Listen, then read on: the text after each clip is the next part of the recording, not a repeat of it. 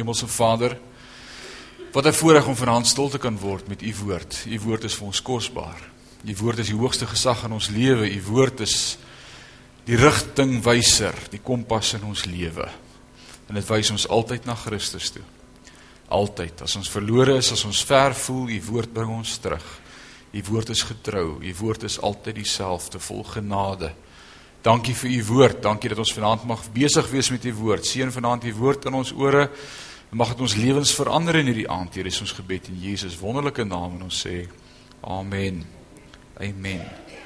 Nou ons is besig in die gedeelte in Eksodus Eksodus 33. Ons is nou vir die 22ste week besig met die tabernakel. En uh so ons gaan vanaand aan Eksodus 33. Ons het laasweek gekyk na Moses in die eerste 17 verse van Eksodus 33. Het ons gekyk na die gedeelte waar Moses nadat die volk sonde gedoen het in hoofstuk 32, aan die einde van hoofstuk 32 kom Moses van die berg af. God stuur vir Moses af en hy sê jy beter gaan kyk wat jou volk doen en hy sê nee is nie my volk nie dis u volk. Hy sê nee dis jou volk ek slaam met hulle. Hy sê nee jy kan nie klaar wees met hulle nie dis u volk het hulle hier aangebring met u sterke hand. Wat sal die Egiptenare dink as u ons hier laat omkom? Dis u volk. En so het hulle die hele tyd hierdie ding tussen God en Moses van wie se volk is dit? Ons gaan dit nog 'n paar keer nog steeds sien in die gedeelte waarmee ons besig is. Dis ou amper tong in die kies. Dis jou volk? Nee, dis u volk. En hy sê vir hom gaan kyk wat jou volk doen. Hulle is besig om 'n goue kalf te bou. Aaron bou vir die volk 'n goue kalf want hulle sê nee, Moses is al vir hoeveel dae op die berg gewees? 40 dae op die berg.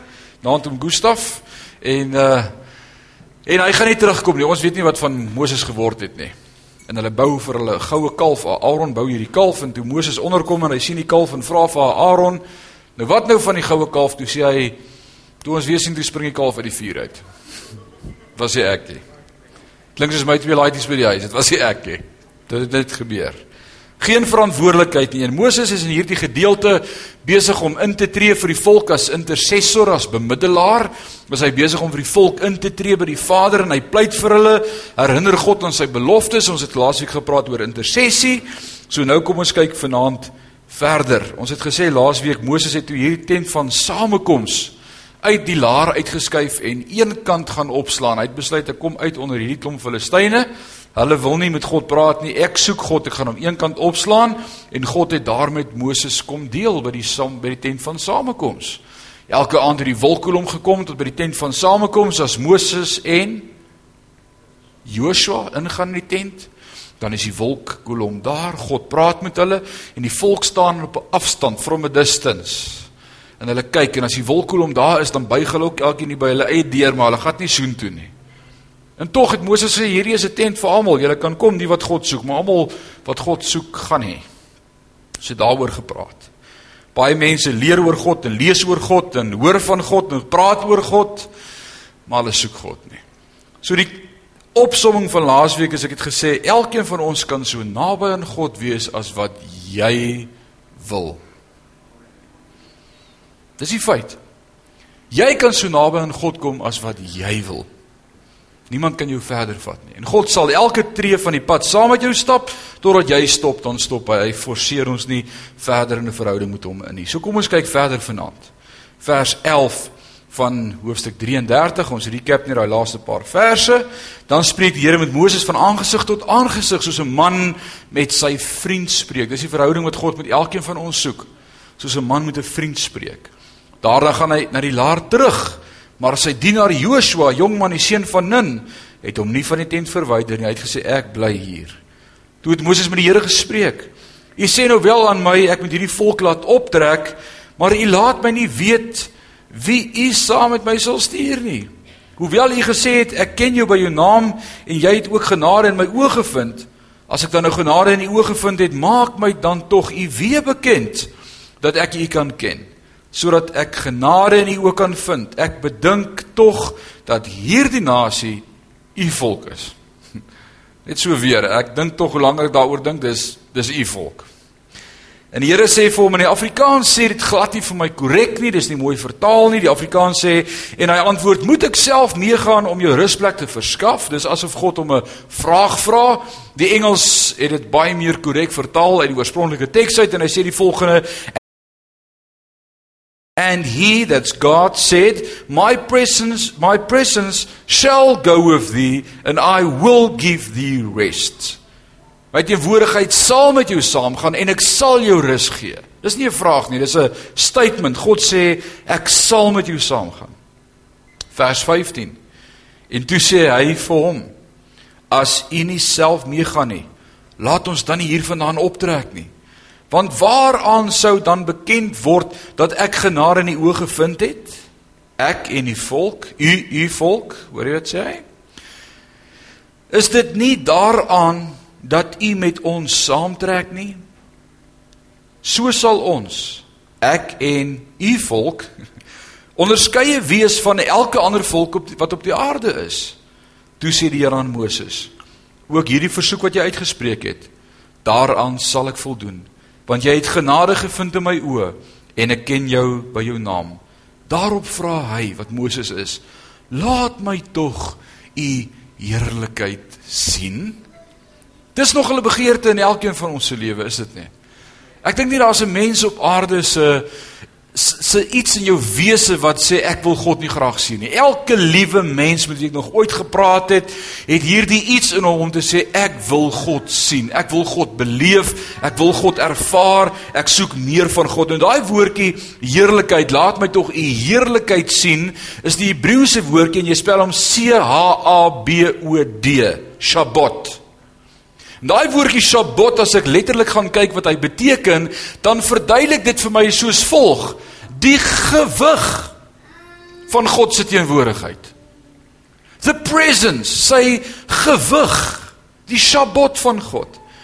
Dis presies dieselfde heerlikheid wat Adam en Eva in die tuin beleef het.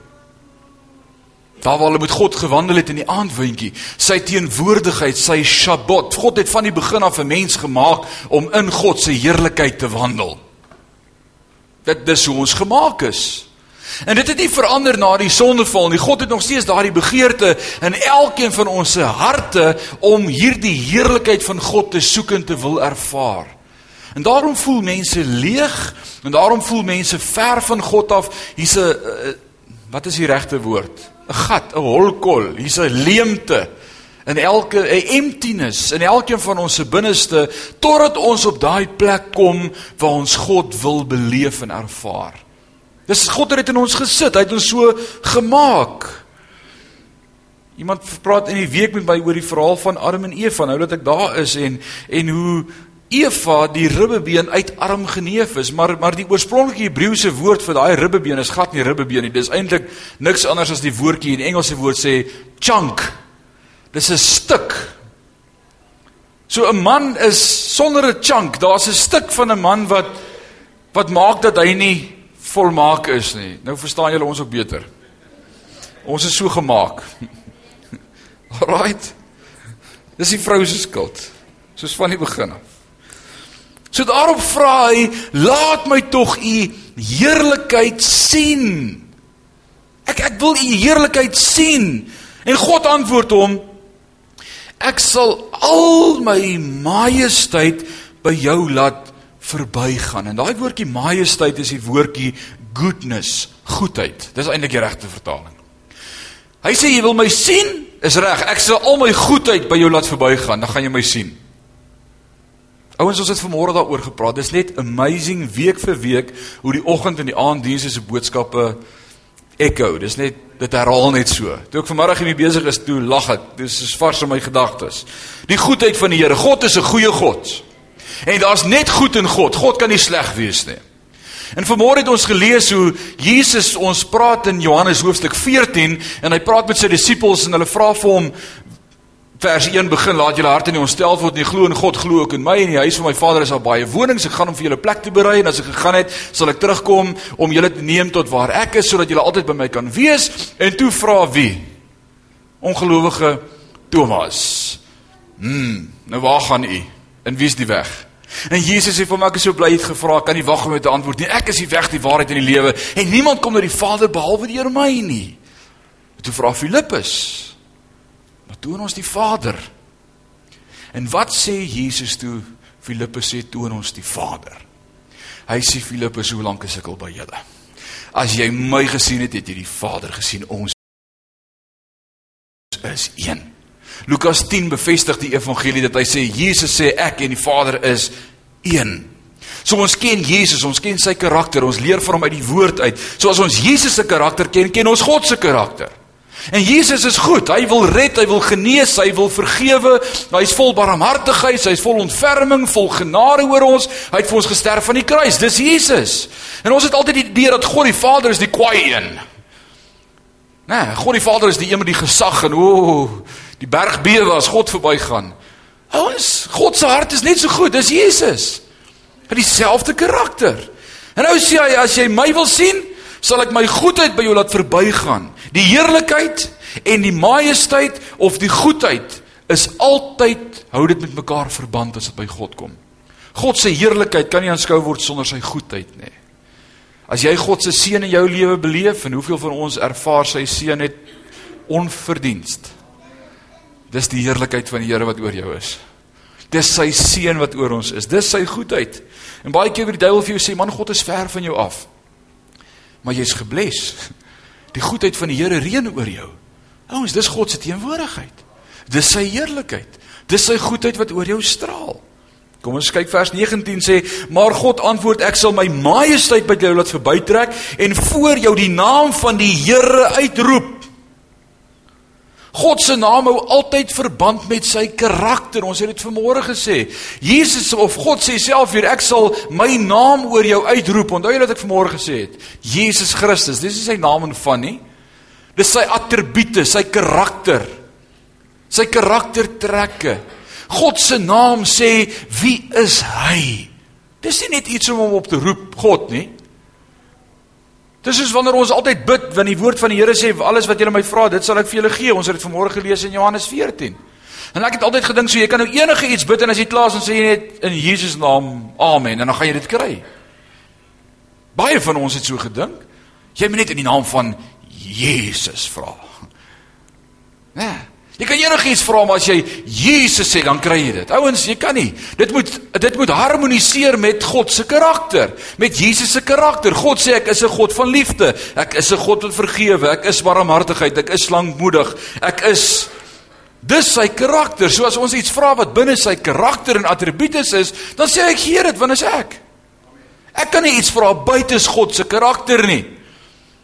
Ek kan nie iets buite sy karakter vra nie. Ek kan nie vir daai pel by die skool wat my kwaad maak sê, "Jesus Here, ek hoop hy kry 'n papwiel sy fiets vandag nie." Dis nie God se karakter om dit te doen nie. Alraai, so wat ons bid moet binne sy karakter wees. Kom ons gaan verder met vers 19, maar ek sal genadig wees vir wie ek genadig wil wees. En my ontferm oor wie ek my wil ontferm. Verder het hy gesê, jy kan my aangesig nie sien nie want geen mens kan my sien en bly lewe nie. Ouens, hier's 'n groot waarheid wat ons moet vasmaak in ons lewe. Niemand het nog ooit God gesien nie. Niemand nie. Niemand het nog ooit God gesien nie. 1 Timoteus 6 vers 16 sê wat geen mens gesien het of kan sien nie, aan wie toe kom die eer en ewige krag. Amen. Hy hy het iets weet. Hy sê geen mens kan God sien nie of sal hom sien nie. Nou hoe werk dit dan? Hoekom sal ons God nie sien nie? In jou fisiese vorm kan ons God nie sien nie want ons het sonde in ons lewe. Ons is mense, ons is vleeslik. God is die vors van die heelal. Hy's ook nie vas aan 'n liggaam soos wat ons dalk dink nie. Dis 'n gees. Hy's oral, hy's alomteenwoordig. Jesus sy verteenwoordiging in die vlees van die drie eenheid van die godheid en die Heilige Gees by ons Maar daar's nie God die Vader figuur met 'n grys baard en lang hare wat op die troon sit nie. Ons gaan 'n surprise kry enige in die hemel. Alraight. Hy sê niemand kan God sien nie. 1 Johannes of Johannes 1 vers 18. Niemand het ooit God gesien nie. Die enige gebore seun wat die boesem van die Vader is, die het hom aan ons kom verklaar. Hy sê niemand kan God sien nie, maar Jesus wat vlees geword het, wie ons kon sien en kan vat en kan voel, hy het die Vader aan ons verklaar sodat ons die Vader kon verstaan. Nou is die vraag, wat dan van almal dwars deur die Ou Testament wat ondervindings gehad het met die Here? Jesegiel, Jesaja, Jakob. Jakob worstel met die engel. Wie is hierdie Here wat dan altyd aan hulle verskyn het in die Ou Testament om met hulle te praat het? Wie sou dit gewees het? Jesus Christus. Dwars deur die Bybel is hy die een wat intervene. Hy's die een wat middelaar is tussen ons en die Vader. En in die Ou Testament het ons nie geweet wie dit is nie. Ons vandag weet ons, dis Jesus Christus. Van die begin af, voor hy vlees geword het, voor hy gebore is, voor hy 'n naam gehad het, Jesus. Die Messias was hy die een wat tussen my en die Vader gekom het en met ons kom praat het dwars deur die Ou Testament. Wow, met ander woorde, Jesus is dwars deur die Bybel, nie net in die Nuwe Testament nie. En dis hoekom Johannes vir ons sê in vers 18 van 1 van Johannes 1, niemand het God ooit gesien nie. Die enige gebore seun wat in die boesem van die Vader is, die het hom aan ons verklaar. Wow. So niemand van ons kan God ooit sien of beleef nie, maar die Heilige Gees is by ons en Jesus, ons het die verhouding met Jesus. Daarom sê Jesus self in Johannes 14, ek is die weg, die waarheid en die lewe en niemand kom na die Vader behalwe deur my nie. Ouens, daar's nie 'n ander manier om by die Vader uit te kom nie. Daar's nie 'n ander manier nie. Hoe hoekom sing ons dan koortjies soos Oh, I want to see him look upon his face. Hoe hoekom sing ons dan open the eyes of my heart Lord, I want to see you as ons weet wat dit gaan doen om hom te sien? Ek vra. Want presies dit waarvoor ons bang is om te gebeur, gaan gebeur. Ons gaan sterf. Maar wat sterf as ek in aanbidding op my knieë gaan voor God en sê, "Oh, I want to see him look upon his face." Wat sterf in my? My vlees, die eie ek, die sonde in my, my wil. En dis hoekom dit so ongelooflik belangrik is om in die teenwoordigheid van God tyd te spandeer. Dis hoekom aanbidding so 'n ongelooflike belangrike deel is van ons lewe. Is om in God se teenwoordigheid te kom en te sê, Here, ek wil eerder naby kom en doodgaan in my vlees as wat ek ver staan En hierdie vlees keer my om enig in die koninkryk in te gaan. Dis deel van ons kruisiging. Hy sê hy wat my wil volg, moet sy kruis opneem en my volg. Jy moet gekruisig word. Dis deel, dis presies dit wat ons hier sien. Vers 21. Ook het die Here gesê, kyk, hier is 'n plek by my waar jy op die rots kan staan. Kom op. Hier's 'n plek by my waar jy op die rots kan staan, vers 22. En as my heerlikheid verbygaan, sal ek jou in die skeur van die rots stel en jou met my hand oordek totdat ek verbygegaan het. En as ek my hand wegneem, sal jy my van agter sien, maar my aangesig kan nie gesien word nie. Waar sien ek en jy God? In die rots. Wie is ons rots? Jesus Christus rock of ages, cleft for me. Let me hide myself in thee. So die waarheid. Jesus is die tipe van die rots, dwars deur die woord. Hy is die rots waarop ons bou. Jesus sê self in hoeveel gelykenisse, hy praat oor die gelykenis van die dwaas en van die wyse man wat sy huis op die rots gebou het en die dwaas wat sy huis op die sand gebou het. Ouens is net op die rots waar jy God ooit gaan beleef en gaan ervaar want Jesus sê ek is die weg, die waarheid en die lewe. Kom by die rots. Jy kan nie sonder Jesus nie. Dis die rots waar uit die water gekom het. Jesus sê as jy van my drink, sal jy nooit weer dors hê nie, Johannes 3. In die Ou Testament was Moses wat die rots moes slaan. Dis die rots. Dis die rots. Alraight. Hy sê as ek my hand wegneem, sal jy my van agter sien, maar my aangesig kan nie gesien word nie. Vers hoofstuk 34 vers 1. Toe het die Here aan Moses gesê: "Kap vir jou twee kliptafels soos die eerstes, dan sal ek op die tafels die woorde skryf wat op die eerste tafels was wat jy verbrysel het." Wie die eerste wet verbreek? Moses, hy was die eerste ou wat die wet gebreek het al 10 gelyk. Het hulle stikkend gegooi. Daai in die ander hoofstuk 32, toe hy onderkom en hy sien die goue kalf vir die sonde. Die dankdag wat hulle uitgeroep het vir afgod, toe vat hy die kliptafels en hy gooi dit stukkend. En hulle trek hulle swaarde. Watter stam? Die Lewiete. Trek hulle swaarde en hulle stap deur die laar en hoeveel ouens sterf daai dag in die laar? 3000. Die dag toe God die wet gee, sterf 3000 mense as gevolg van sonde. Op Pinksterdag in Handelinge 2. Toe God die uitstorting van die Heilige Gees vir ons gee. Petrus spreek onder die salwing van die Heilige Gees. Hoeveel kom tot bekering? 3000. Die Gees bring lewe, die wet maak dood. Ouens, dis so voor die hand liggend. Vers 2. En nou jou gereeld teen die môre. En klim in die môre op die berg Sinaï en gaan daar staan by my op die top van die berg. Maar niemand mag saam met jou opklim nie. Laat daar ook niemand op die hele berg gesien word nie. Laat ook geen kleinvee of beeste teen hierdie berg wy nie. Wow. Hier kom 'n wille storie.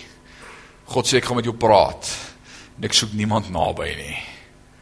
Alraight, ek gaan jou in die rots verberg en ek soek nie ander mense daar nie. Toe het hy twee kliptafels gekap soos die eerstes en Moses het die môre vroeg klaar gemaak en op die berg Sinai geklim soos die Here hom beveel het en die twee kliptafels in sy hand geneem. En die Here het neergedaal in 'n wolk en daar by hom gestaan en hy het die naam van die Here uitgeroep. Wie's hy? En hy het die naam van die Here uitgeroep. As jy mooi kyk in jou Bybel is daai hy 'n hoofletter. God self roep sy naam uit. Hy kondig homself aan. Jy al gesien hierdie konings as hulle by 'n plek kom dan is daar iemand wat hom aankondig. Alraight. Hy kondig homself aan. Hy sê en hy het die naam van die Here uitgeroep. En toe die Here by hom verbygaan, het hy geroep. Dis God. Here, Here. Barmhartige en genadige God. Lankmoedige en groot van goedertierenheid en trou. God roep sy sy karakter eienskappe, sy attributes maak hy bekend. Ja gesien as hierdie as hierdie uh as die staatspresident daar in uit sy kar uitklim daar by die stadion. Dan is daar so Zulu en Dona daarso en hy het allerlei spiese en dinge en dan begin hy so te skree en hy roep en hy Jy het dit al gesien. Ag kom aan ons bly in Nuwe Suid-Afrika. Jy moet dit al gesien het. Dit's baie snaaks. Hy hy hy hy's hy's he's not only praising him but he's exclaiming his attributes. Hy maak hom groot. Hy verduidelik sy karakter. Hier is Zuma, die groot een. Ek bedoel hy hy sê wie dit hy kondig hom aan. God sê wie sal my aankondig? Wie is heilig genoeg om vir julle te sê wie ek is? Ek sal dit myself doen. Geen mens kan God aankondig nie en God openbaar homself eintlik hier aan Moses en ek dank die Here vir hierdie gedeelte. Oralster in die woord waar jy Here met 'n hoofletters geskryf sien staan in jou Bybel en in my Bybel, die ou vertaal vir die Engelse vertaling Lord L O R D met hoofletters. Oralster in die Ou Testament waar jy dit sien, staan daar eintlik die woorde Y H W H. Ons dink dis Jahwe. Hulle het die klinkers uitgehaal uit hulle taal uit as hulle God se naam geskryf het sodat niemand sy naam mag gepraat het nie. Dit was te heilig. Net die hoëpriester het een keer 'n jaar as hy in die allerheiligste ingaan God se naam gebruik, een keer. God sê niemand praat my naam sommer net uitelik nie. Dit was 'n verborgenheid vir die volk. Die klinkers is uitgelaat oral in die Bybel waar dit geskryf staan. So ons skryf nou vandag daar Here in hoofletters of Lord in die Engelse Bybel met hoofletters, maar party sê dis Yahweh Party sê dis dalk Jehovah. Weet jy? Maar dis God. God praat van homself. So hy maak homself bekend aan Moses en toe die Here verbygaan, roep die Here self uit: Here, Here, Lord, Lord, Yahweh, Yahweh. En dan sê hy, wat is sy attribute? Hy sê wie hy is. Hy sê ek is die barmhartige en genadige God, lankmoedig en groot van goedertierenheid en trou. Wow. Dis wie God is. God is nie hierdie kwaai pa daarbo wat net wag dat ons foute maak nie. Nee, God is die genadige een. Wat is mercy? Die Engels sê dit as ek daai gedeeltetjie in die Engels vat, dan sê hy full of mercy and grace. Wat is mercy? Wat is die wat is die definisie van mercy? As jy met tieners maak by die skool vir 10 rand. Wat is mercy? Not getting what we deserve. Dis mercy. Wat is grace? Getting what we don't deserve. Mercy? Not getting what we deserve. Grace? Getting what I don't deserve. Wat het ons nie verdien nie? God se genade. Redding. Ouens, ons is almal in sonde en verlore, gebore in sonde ontvang en dit ons breek ons van die heerlikheid van God, almal van ons. Maar God sê ek is genadig oor jou as jy my naam aanroep en jou sonde bely, ek is getrou en regverdig om jou te vergewe en daaraan nooit weer te dink nie. Al was jou sonde so vers of hoe vuil of hoe donker, ek sal dit skei so ver as die ooste van die weste en dit gooi in die diepte van die see en 'n bordjie opsit nou fishing. Man, it's amazing. Dis genade, dis God se natuur. Ons het vanmôre daaroor gesels, Johannes 14. Alraight. God kon maklik gesê het ek is die grootte God. Jy al hierdie kinderstories gekyk van Moses. Ek ek het dit ek het dit gekyk. Ek het bang geword vir my kinders se pad. Ek so bang hulle glo dis die waarheid. Daar waar Moses op die berg is. Dan kom hy daar op die berg en dan sit hierdie stem, I am the God. So, Moses. Dis glad nie die idee wat God wil hê ons moet hê van hom nie. Glad nie. Ons maak ons kinders bang met daai met daai nonsens. God praat sy eie naam en hy sê wie hy en hy hy het die kans van 'n leeftyd om vir die volk mooi te sê wie hy eintlik is sonder dat hulle hoef te raai. En wat sê God? Ek is barmhartig en 'n genadige God, lankmoedig en groot van goedertierenheid en trou, wat die goedertierenheid bewaar vir duisende wat ongeregtigheid en oortredinge en sonde vergewe. Wie, soos wie klink dit van wie ek nou praat? Jesus. Nee nee, ons praat van God. Ons praat van Jahwe, ons praat van Jehovah. Dis God se karakter. En daarom sê Johannes 14 as Jesus vir hulle vra, "Nou hoe lank is ek nou al by jou?" As jy my gesien het, het jy die Vader gesien. Ons is dieselfde. Sy hart is my hart. Ek spreek niks sonder dat hy dit sê nie. Ek praat net wat hy vir my sê om te praat. Ouens, en ons persepsie van God. As ek wil eerlik wees en ons sou vanaand 'n sensus opneem van wat is jou persepsie van God die Vader? Is ek bang om te weet wat hier gaan uitkom. Want ons persepsie van God die Vader is die kwaai, allerheiligste God. Wat nie eers vir my wil kyk sonder dat hy dan sy seun kyk nie. Hier was sy seun nog nie eens op die toneel nie en hy sê, hoor wat sê hy, wat ongeregtigheid en oortredinge en sondes vergewe. Man.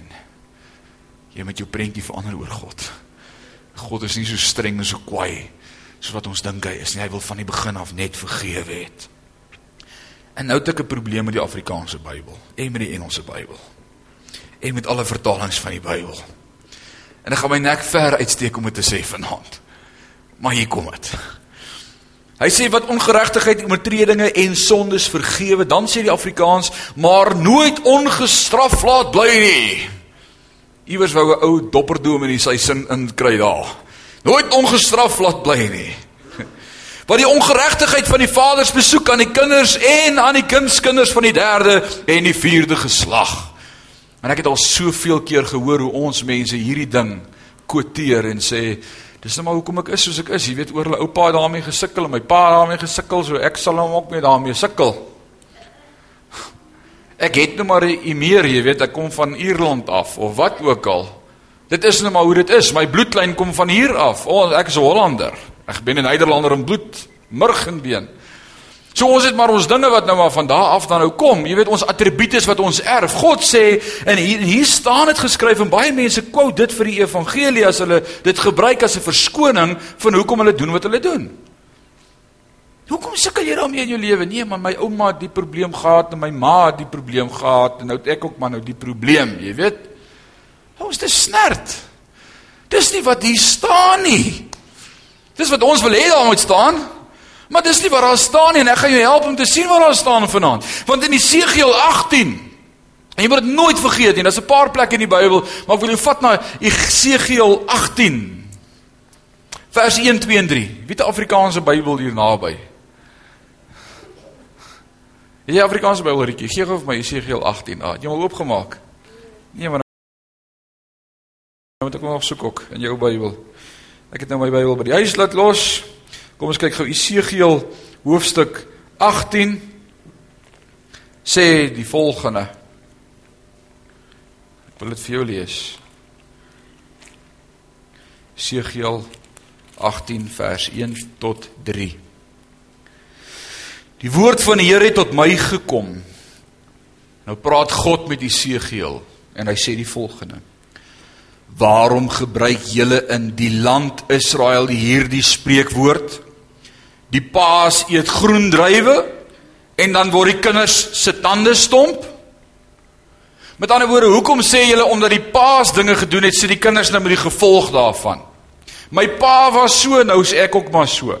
My pa het die groen vye geëet, maar ek sit nou met die stomp tande. Dis presies wat hy sê. Hulle verstaan waarvan hy praat. Hy sê, "Hoekom gebruik julle hierdie spreekwoord in die land?" En dan word die kinders se tande stomp. Vers 3. "So seker as ek leef," sê die Here my God, "julle sal nie meer die spreekwoord in Israel gebruik nie. Al die mense behoort aan my, vaders en kinders in myne." En die mens wat sondig, die sal sterf. Wat sê God? Ek soek verantwoordelikheid. Elkeen sal self verantwoording doen vir my. Die een wat sondig, daai een sal ek mee deel. So wat staan dan hier in hierdie gedeelte as as dit dalk verkeerd vertaal is? Ek wil dit vir jou in die Engels lees wat bietjie meer korrek is. En dit ons bietjie beter idee gee van wat daar moet staan, verse 7 of Exodus 34 keeping mercy for thousands, forgiving iniquity and transgressions and sin, and that will by no means clear. En dan wat staan daar in italic geskryf? The guilty. Dit beteken dit's nie in die Bybel nie. As dit so in skynsdruk ingeskryf is, dan dink hulle dit sal jou help om die teks beter te verstaan. Dit maak dit moeiliker.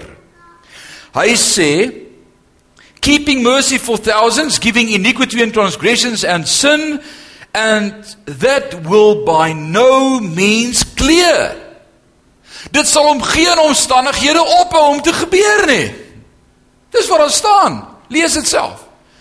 Hy sê ek vergewe die sonde van duisende en ek bewys genade aan hulle. Vergewe sonde en ek sal nooit ophou om te gebeur nie. Dis wie ek is. sien jy dit? Wie wil sê wow? Wie wie dit nog nooit daar gesien nie? Ek wil hê jy moet dit sien vanaand, dit gaan jou hele persepsie van God verander. Want dis wat die Bybel is. Daar staan nie the guilty nie. Iemand het gedink ons moet hier insit the guilty. God sê ek vergewe wie ek wil en dit sal nooit stop nie. Nou wat sê hy dan volgende as dit nie gaan stop nie? Hy sê visiting the the iniquity of the fathers upon the children and upon the children's children unto the third and the fourth generation. Hy sê ek sal met die pa pleit en met hom sy ongeregtigheid deel totdat hy sy hart oopmaak en ek sal met die kind syne deel en ek sal met die kleinkind syne deel en ek sal aanhou om met sonde te deel. Ek sal dit nooit net sê, "Ag, oh, wel nou stop ek daarmee en dit sonde noem nie." Ek sal aanhou om by elkeen te pleit want ek is 'n God by wie dit nooit sal ophou nie. Ek pleit vir jou redding. Man, verander dit nie jou hele beeld van hierdie God nie. Dit bless my ongelooflik. God sal aanhou om met die Vaders te werk en te werk met al jou ongeregtigheid totdat jy luister en jou sonde ophou of jou sonde bely en laat staan. En God sê ek gaan nie net sê ja, wel is jou skuld dat jou kind so is nie. Hy sê nee, ek sal met die kind ook deel oor sy sonde en ek sal met sy kind deel oor sy sonde. En net so die Heilige Gees elkeen van ons oortuig van ons sonde, is dit nie? Ons weet ons was sondaars. God is 'n groot God. Man. Man, God is 'n groot God. Alles vir die doel van restaurasie om jou in 'n verhouding met hom nader te trek. Mense sê so maklik, "Ag, oh, wel ek kan nie help hoe ek is nie, ek so groot gemaak of ek is so gebore." Vir so baie dinge vandag sê ons ons is so gebore. Ons is nie so gebore nie, ouens. Dis nie 'n verskoning vir hoe ons is nie. God wil ons verander. God verklaar hier in vers 6, hy sê ek is barmhartig, ek is 'n genadige God, ek is lankmoedig en groot van goedertierenheid en trou wat die goedertierenheid bewaar vir duisendes wat ongeregtigheid en oortredinge en sonde vergewe, maar nooit sal verander nie. Dis wat daar staan. En wat die ongeregtigheid van die vaders besoek en aan die kinders en aan die kindskinders aan die derde en die vierde geslag. God wil hê ons moet verantwoordelikheid vat. Ek moet nie sê al oh, wel is my pa se skuld dat ek so is nie of is my oupa se skuld nie of ek is maar so groot gemaak nie. God sê ek wil hê jy moet daarmee deel. Ek sê Here, is dit hoe ek lyk? Vergewe my. Ons het dit gesien die vorige twee hoofstukke as Moses met God praat elke keer oor die sondes van die volk. God wil nie net hê ons moet soos Aaron maak en sê, "O, oh, wel, hierdie volk is 'n hardnekkige volk." Jy ken hierdie volk Moses. God wil hê ons moet sonde by die naam noem en as hy voor God kom en sê Here, hulle was ver van U af en hulle het sonde gedoen, hulle het die afgod geaanbid. En U weet hulle is hardnekkige volk, maar vergewe ons. En dan vergewe God. God vergewe. Kom ons gaan aan vers 8. Toe het Moses hom gou na die aarde toe gebuig en neergeval en gesê: Here, as ek genade in U oë gevind het, laat dan tog die Here in ons midde trek. Want dit is hardnekkige volk. Hoor weer hy bely die waarheid. Maar vergewe ons ongeregtigheid en ons sondes en neem ons aan as 'n erfdeel. God wil nie meer asseblief nog steeds maar hierdie ou volk vergewe nie. Dis voor Christus, dis voor die bloed, dis voor verlossing, dis voor die kruis, dis Ou Testament. Is dit moontlik? Hoor wat sê God. Toe antwoord God: Kyk, ek sluit 'n verbond. Voor jou hele volk sal ek wonders doen soos daar op die hele aarde en onder al die nasies nie geskape is nie sodat die hele volk onder wie jy is die werk van die Here kan sien. Is reg Moses. Ek sal met julle pad stap. Ouens, wat kan ons skryf oor hierdie hele gedeelte? Genade. Grace. Grace. Wow. Dis genade. Alrite.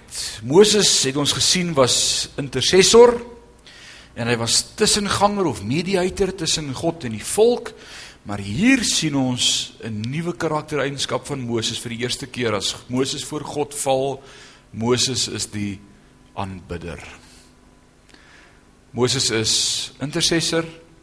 Moses is tussenganger, maar Moses as leier is ook 'n aanbidder. En ek wil vir jou sê ek dink dis deel van die groot geheim van hoekom hy suksesvolle leier was wat 3 miljoen Jode met een staf kon lei vir 40 jaar in die woestyn. Ek het 'n vrou en twee kinders en dit is vir my moeilik. Hy 3 miljoen wat hy lei.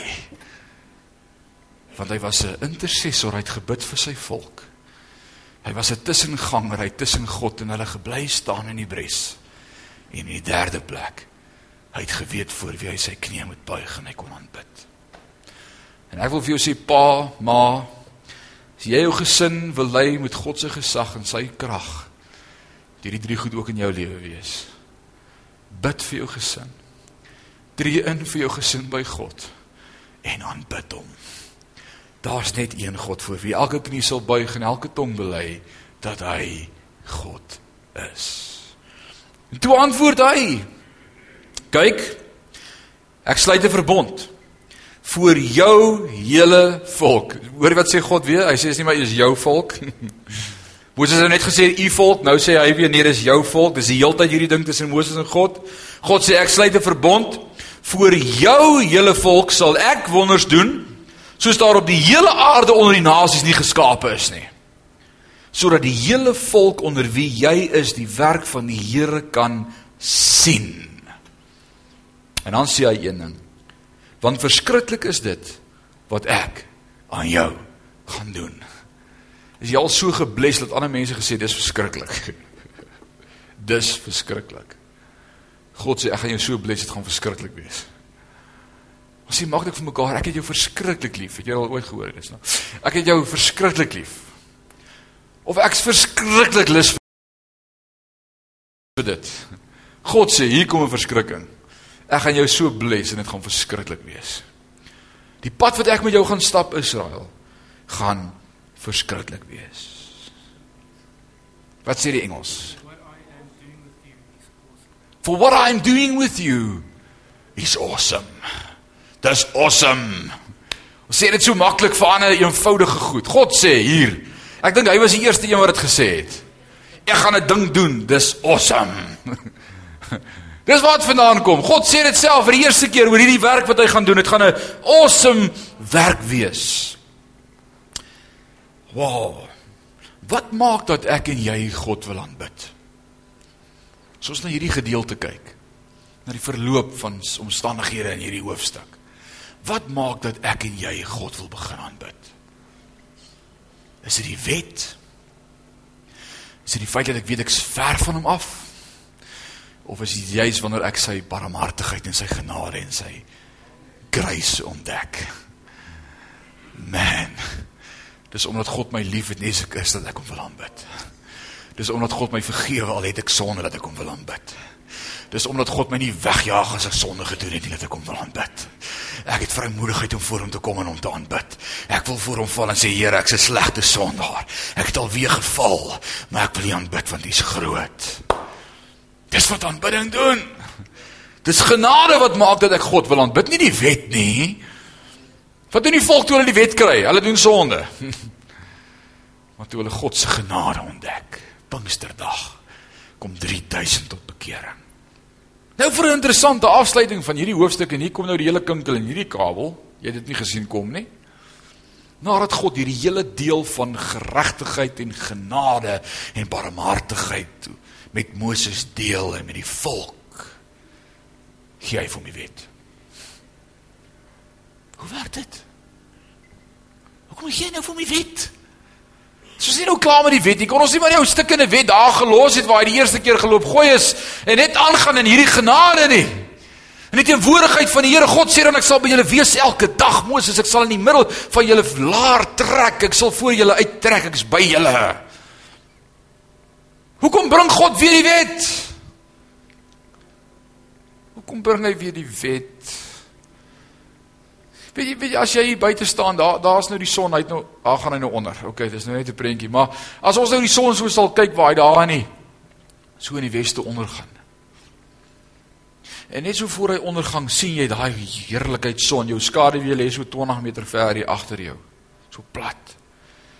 Jy vat hierdie hand van jou. Dan kan ek met my duim die son toemaak. Jy het al gesien.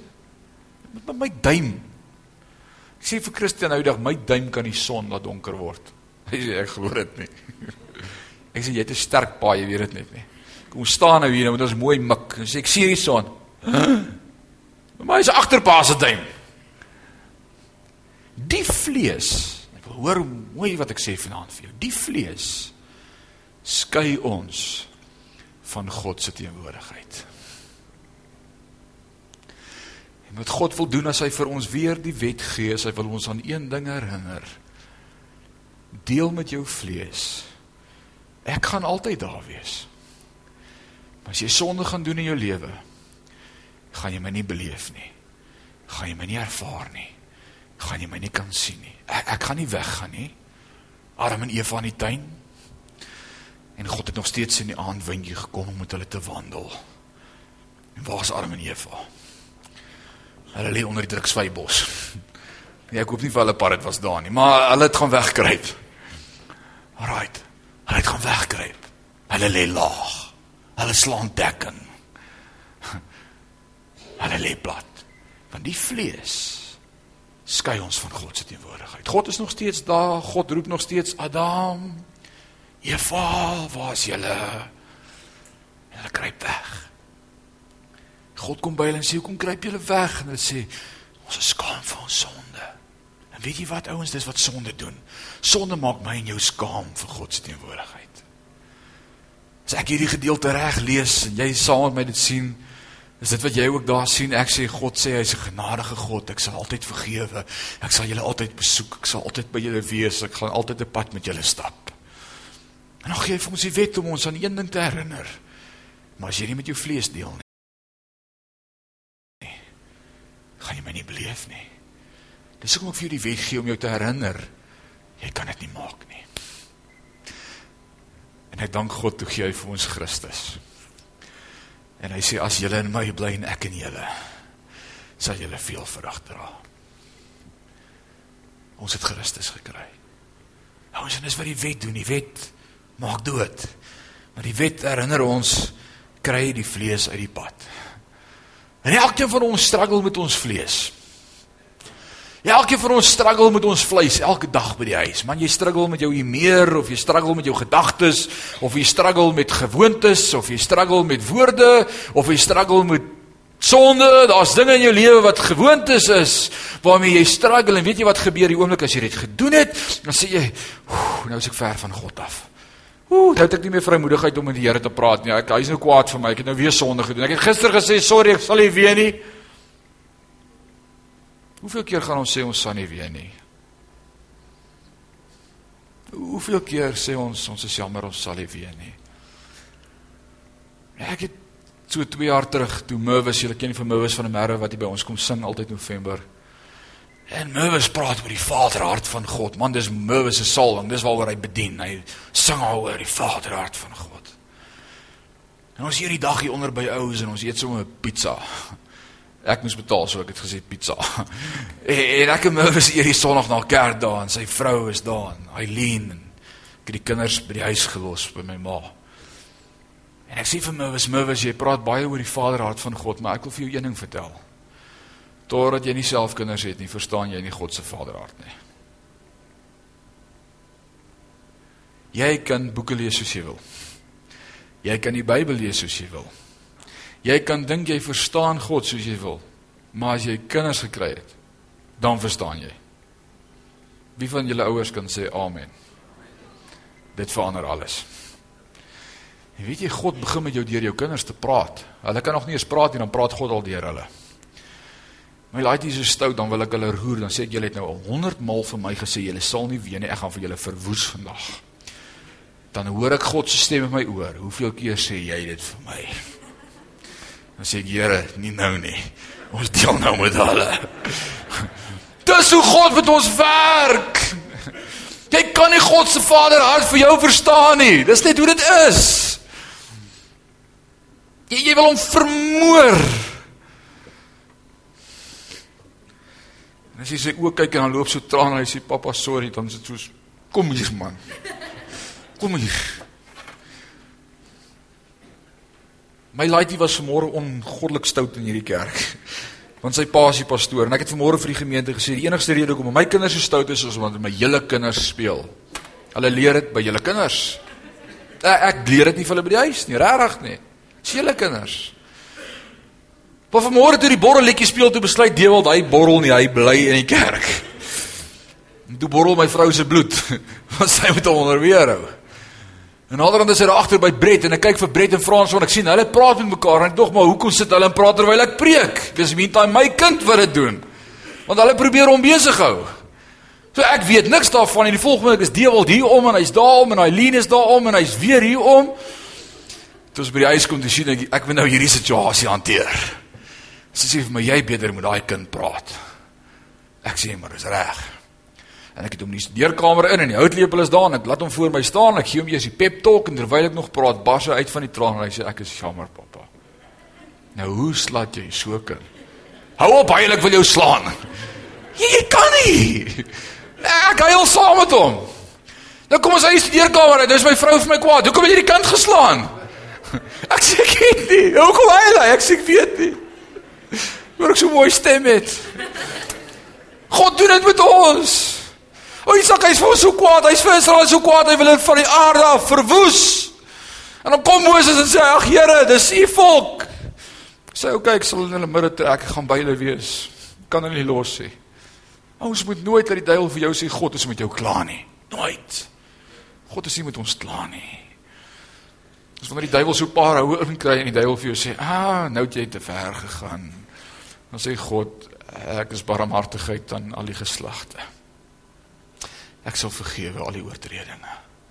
Kom, kom na my toe." En dan verstaan ons genade. En as ons genade verstaan, dan wil ons aanbid en ons wil voor hom val en sê, "U is awesome. Daar's niemand soos U nie."